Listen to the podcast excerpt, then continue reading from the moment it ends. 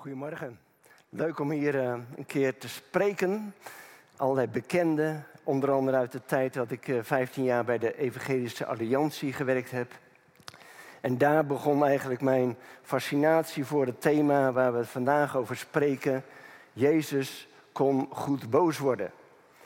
In 2006 uh, eh, trof mij het dat ik te veel mensen uit kerken en christelijke organisaties sprak die geweldige dingen aan het doen waren of plannen hadden tot. En als ik ze dan een tijdje later weer tegenkwam en vroeg hoe gaat het ermee met dat plan en die ambitie die je had en dat verlangen, dan hoorde ik te vaak, ja, het team is uit elkaar gevallen. We hebben ruzie gekregen, we kregen oneenigheid. En toen dacht ik, wie doet daar wat aan? Wat doen we daar met elkaar aan?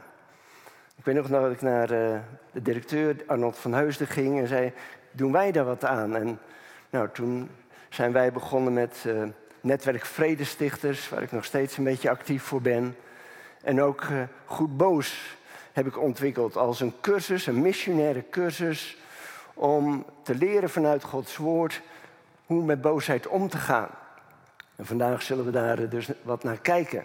En ik vind het hartstikke gaaf dat Ton Nap de cursus hier gaat geven. Want Ton heeft dat ook al in Delft gedaan, echt als missionaire cursus. Want ik dacht, ja, je kan heel makkelijk tegen je buren of collega's of wie dan ook zeggen...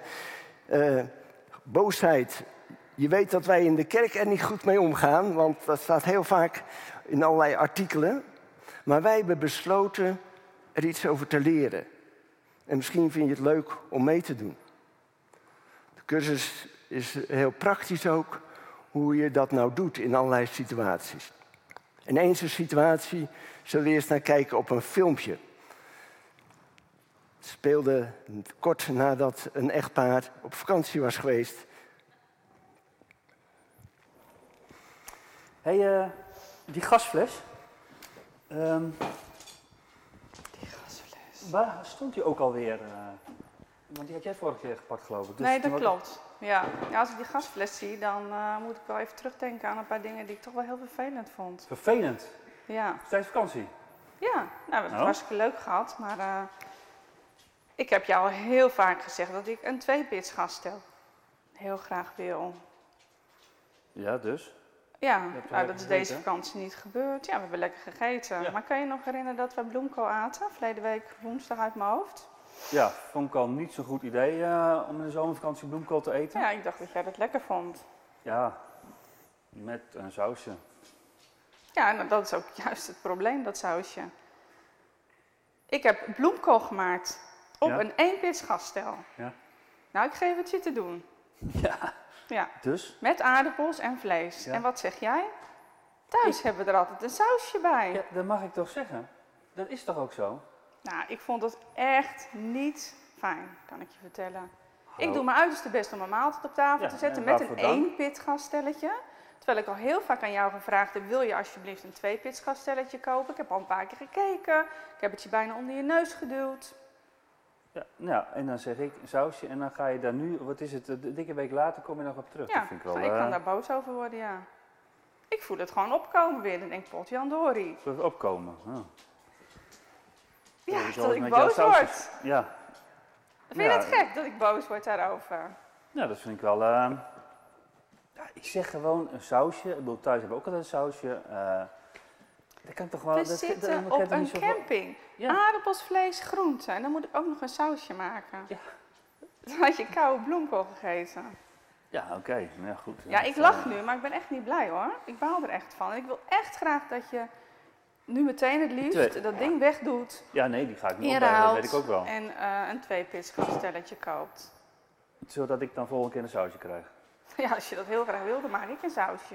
Nou, ik wil eigenlijk helemaal geen bloemkool tijdens vakantie. Nou, dan eten we geen bloemkool meer. Nee, nou, dan doen we dat niet meer. Nou, ik vind het wel en trouwens, sausjes zijn verkeerd voor je. Ja,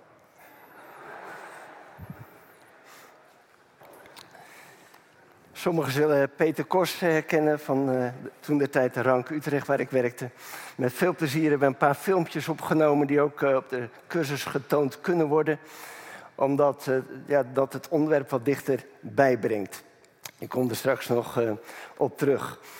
En hier zie je ook een print van Weile Dokus, de tekenaar die dat gedaan heeft. Van thuis heb ik er altijd een sausje bij.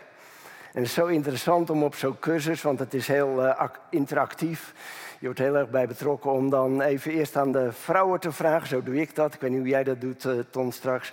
Maar te vragen, joh, uh, wat doet zo'n situatie met jou? En dan aan de mannen. En meestal weten de mannen veel wat de vrouwen hadden moeten doen en andersom. Maar de kunst is natuurlijk, hoe doe je het zelf?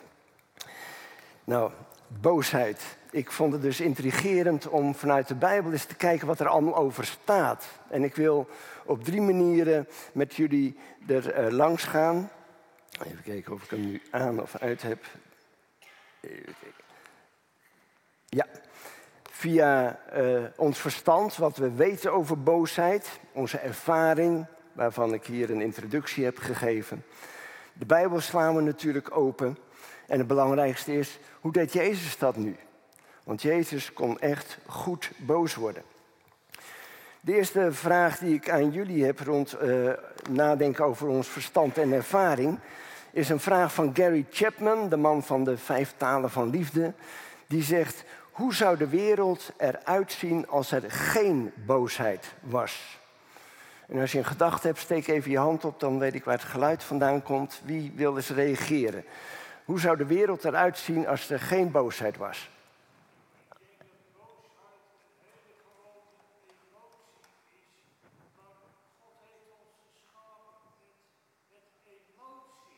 Precies, goede start. Ja?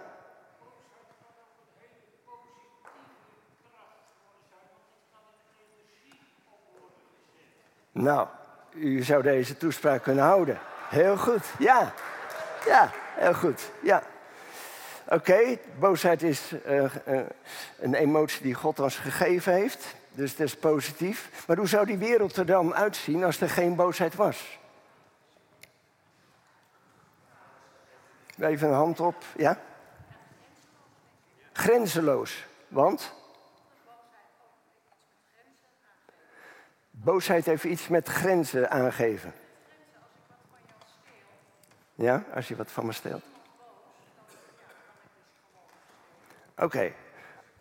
Als u iets van me steelt, dacht niet dat u daar echt in toestaat was, als ik u. Maar ja, dan zou ik, eh, en ik zou niet boos worden, dan uh, kan de wereld dus overal, ja, kan je maar stelen van elkaar en is dus grenzeloos, ja? Nog één laatste gedachte.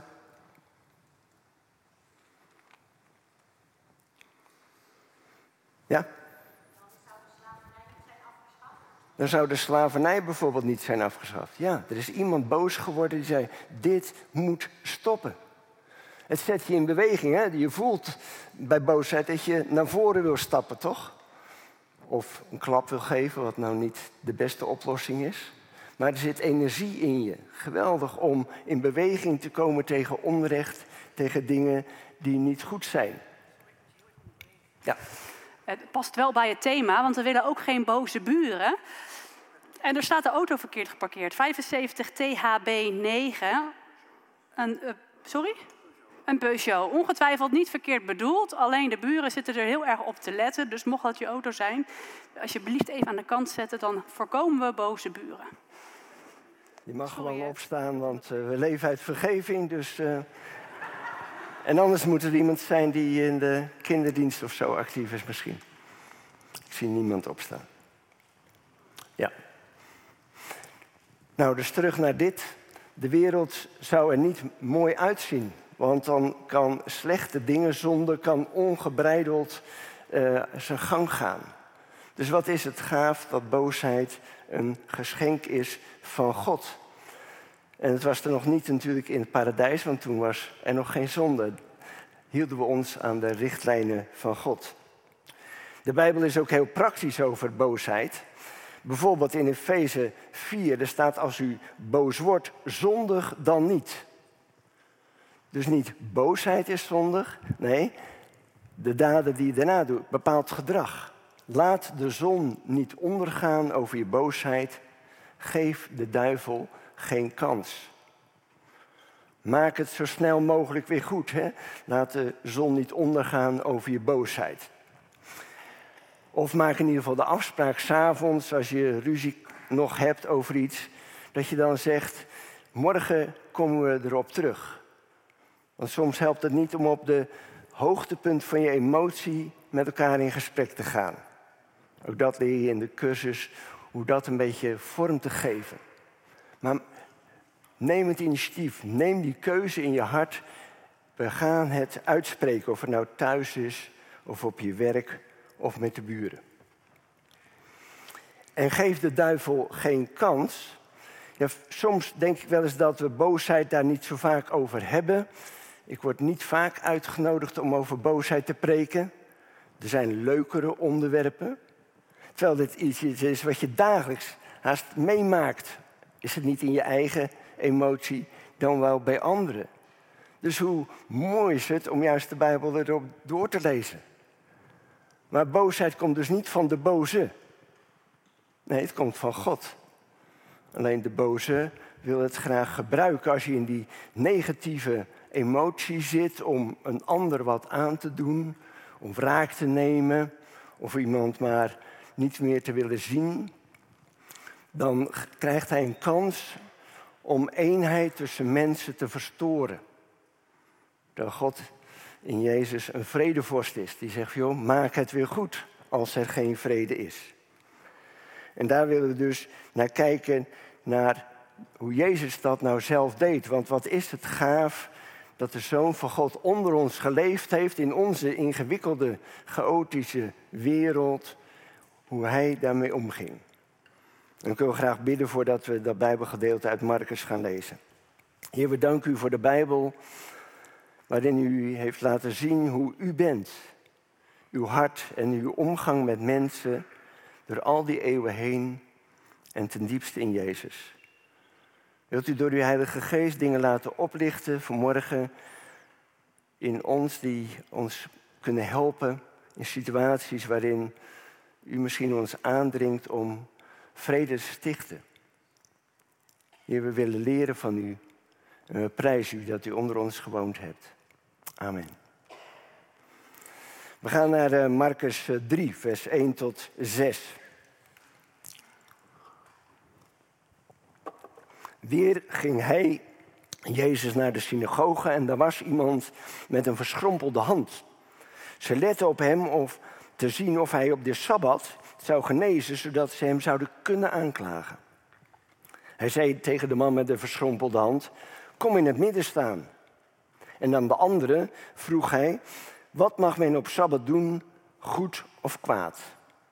Een leven redden of het vernietigen? Maar ze zwegen. Hij keek hem boos aan, maar ook diep bedroefd vanwege hun hardleersheid. En toen zei hij tegen de man die in het midden stond: Steek uw hand uit. En hij stak zijn hand uit en er kwam weer leven in. De fariseeën verlieten de synagoge en gingen meteen met de Herodianen overleggen hoe ze Jezus uit de weg zouden kunnen ruimen. Marcus 3. Toen al was het idee, Jezus moet weg. Hij zit ons in de weg. Hij verstoort de standaardorde, de rust die we hebben, de regelmaat in de synagoge en in allerlei situaties. Jezus gaat altijd buiten die paadjes.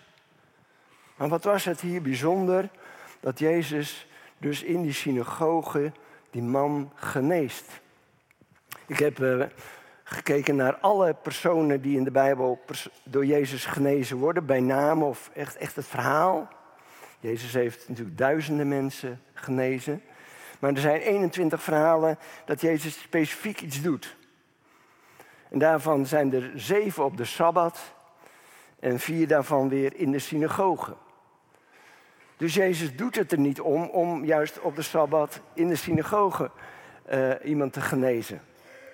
Hij was niet aan het polariseren. Maar als daar een man is op die, op die Sabbat met een verschrompelde hand.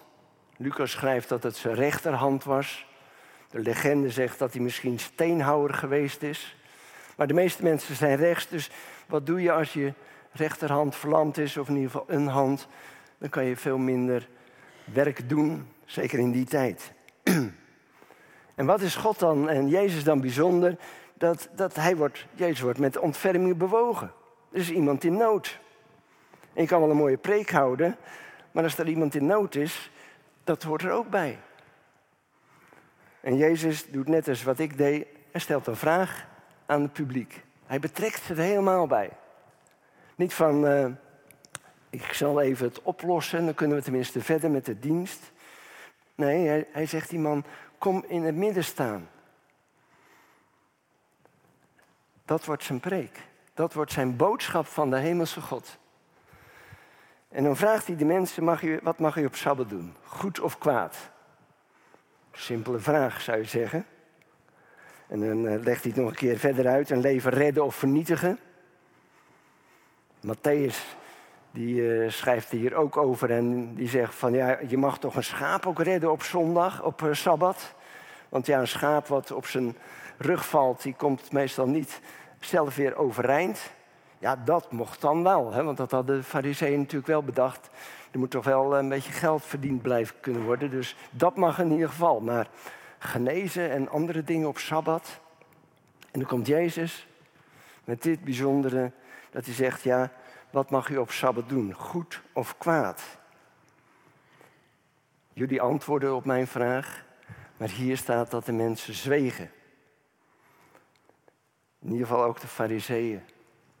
Wat jammer dat ze het gesprek niet durven aangaan. En, en het gesprek betekent dat je hart opent en je verstand opent. Dat je denkt, nou, oké, ik, ik wil er wel eens over nadenken. Hoe, hoe doe je dat eigenlijk? Hoe zou God dat bedoeld hebben? En dan komt dat bijzondere, die twee woorden van over Jezus. Dat Jezus keek hem boos aan, maar ook diep bedroefd. Vanwege hun hardleersheid. En dat is een sleutel, mensen, om goed boos te kunnen zijn als Jezus. Hij is boos op hun gedrag, op hoe ze, dat ze niet iets doen. Maar hij is ook diep bedroefd over hun hart dat ze niet willen leren. Over hun persoon. Want God is altijd met ontferming bewogen over jou en over mij. Hij wil jou als persoon altijd blijven ondersteunen om uit te groeien tot de persoon zoals je bedoeld bent. En hij is die bedroefd als je daar niet in mee wil gaan, want er is zo'n geweldig perspectief in Jezus. Maar je bent dus boos over gedrag en bedroefd over de persoon. Ontferming over een persoon. En dat is een enorme sleutel, want als ik eens boos ben op Tineke, mijn vrouw, dan kan ik hebben van nou, eigenlijk wil ik je even niet zien, hè? zoiets. Of misschien doe je dat wel rigoureuzer naar buren, zoals twee buren naast ons wonend onderling een enorme ruzie hadden. En in één keer mochten de kinderen niet meer samen spelen, afgesloten. Wat is dat dan jammer?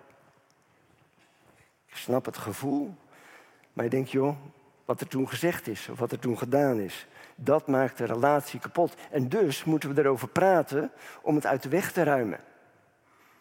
En elkaar beter te begrijpen ook vaak. Wat is dat gaaf, dat Jezus ons het hier voordoet. Dat die dubbelheid er kan zijn. Er zijn wel uh, uh, bijbelcommentaren die proberen uit te leggen dat de boosheid van Jezus dat die van een hogere orde is, goddelijk. Uh, dat een soort heilige boosheid is. Maar er staat gewoon het Griekse woord orge. En dat is gewoon dat je echt zo kwaad bent dat je wraak wil nemen. Van uh, eigenlijk dat je je aderen in je uh, nek ziet opzwellen bij boosheid. Sommigen hebben dat, dan kan je het echt ook helemaal zien of je loopt rood aan. Die boosheid is hier bij Jezus. Hij was goed boos. Hij was, Tineke, mijn vrouw, die zei dat ik mijn cursus goed kwaad moest noemen. Maar goed boos wil ik juist omdat je kan op een goede manier boos worden. Maar eigenlijk ben je dan goed kwaad met orge. Dat staat gewoon van Jezus. En heel vaak van de Heere God ook. Ik ben een keer de Bijbel gaan doorlezen en overal proberen te onderstrepen waar God boos is, toornig en dat soort dingen. Dat is nogal wat vaak, toch? Al in Genesis 6 staat er dat God uh, het smarte dat hij de mens gemaakt had, omdat er zo'n puin op was geworden. En toen kwam de zonvloed. Maar God ging wel door met de mensen. Maar het gedrag, dat was te erg voor woorden en de hele wereld ging kapot. En zo is uh, Jezus echt boos op dezelfde manier als wij, diezelfde emotie. Want inderdaad, wat u al even aangaf, emoties zijn een geschenk van God. Dus boosheid is een geschenk van God. Ik hoop dat je ook zo naar je eigen boosheid kan kijken. Misschien vind je het heel lastig. En de een heeft er ook meer last van om dat ja, op een goede manier te vorm te geven. Maar ja, dan moet je naar Tom Lab gaan. Dan kan je in ieder geval wat meer dingen leren. En anders ook eens verder praten met mensen die er verder in zijn. Even een uh, korte uitweiding naar die cursus. Wat leer je daar? Nou, wat de basis is over omgaan met boosheid, dat je in je hart de keuze hebt, ik wil er samen met de ander uitkomen. Als je die vraag niet hebt, dan, ja, dan kom je ook niet verder. Of dan ga je alleen maar de strijd aan en dan wordt de boosheid alleen nog groter. En daarom gaan mensen vaak het gesprek niet aan, want ja, het kan alleen maar erger worden. Want we zaten al naast elkaar, zoals die vrouw en die man met het kamperen. Ze zaten op heel andere sporen. Zij over, ja, ik zit nog steeds met dat eenpits gasstel. En we hebben het er nog over gehad. Dus er worden oude koeien uit de sloot gehaald, zoals we dat dan noemen. En die man zegt, ja, uh, ik zat er te kijken naar, op die camping naar die maaltijd. En ik zei, thuis hebben we er altijd een, een sausje bij. Dat is toch zo, zei hij ook. Het is gewoon een feit. Het was geen verwijt. Ja, bij haar werd het, werd het als verwijt ervaren. En dan zie je dat je ontzettend langs elkaar heen zit te praten. De een die denkt, ik wil een tweepet gasstel als feit. En de ander zegt, ja, een feit is thuis hebben we er altijd een sausje bij. En bij de een komt als verwijt over en de ander... Nou ja, dan krijg je nog zo'n opmerking aan het eind. Uh, ja, sausje is helemaal niet goed voor je en zo. Alles wordt alleen maar explosie. En ik weet niet of ze s'nachts gezellige nacht samen gehad hebben. Maar hoe kom je er samen uit? Dat is een mooie vraag om aan jezelf te zeggen, wil ik dat? Ik wil er samen uitkomen. Nou, in een gesprekstechniekje die je ook op de cursus leert, eh, in de praktijk is, is het een drieslag. Zeg wat je ziet, vertel wat je voelt en weet wat je wil. Zeg wat je ziet, dat is dat je even een bruggetje legt van waar hebben we het over? Want terwijl jij boos bent, hoeft de ander daar helemaal geen gedachte over te hebben. Die man die dacht eh, gewoon, ik moet die gasfles opbergen. En gelukkig zei zij, weet je nog, toen we op de camping zaten. Oh, toen kwam het weer bij hem ook naar boven. Dan zit je op hetzelfde verhaal. Tweede is vertel wat je voelt. Dat uh, gebruikte zij met dat potjandori, uh, eh, je zei dat, hè? Nou, duidt echt wat het je doet. En uh, geeft daar woorden aan, zodat de ander merkt, dit zit jou dwars, dit raakt jou diep. En vanuit mijn liefde voor jou, een goddelijke opdracht om elkaar lief te hebben, wil ik dat serieus nemen. Vertel. En weet wat je wil. Als je het gesprek aangaat, is dat de moeilijkste. Maar die kan je van tevoren natuurlijk doordenken.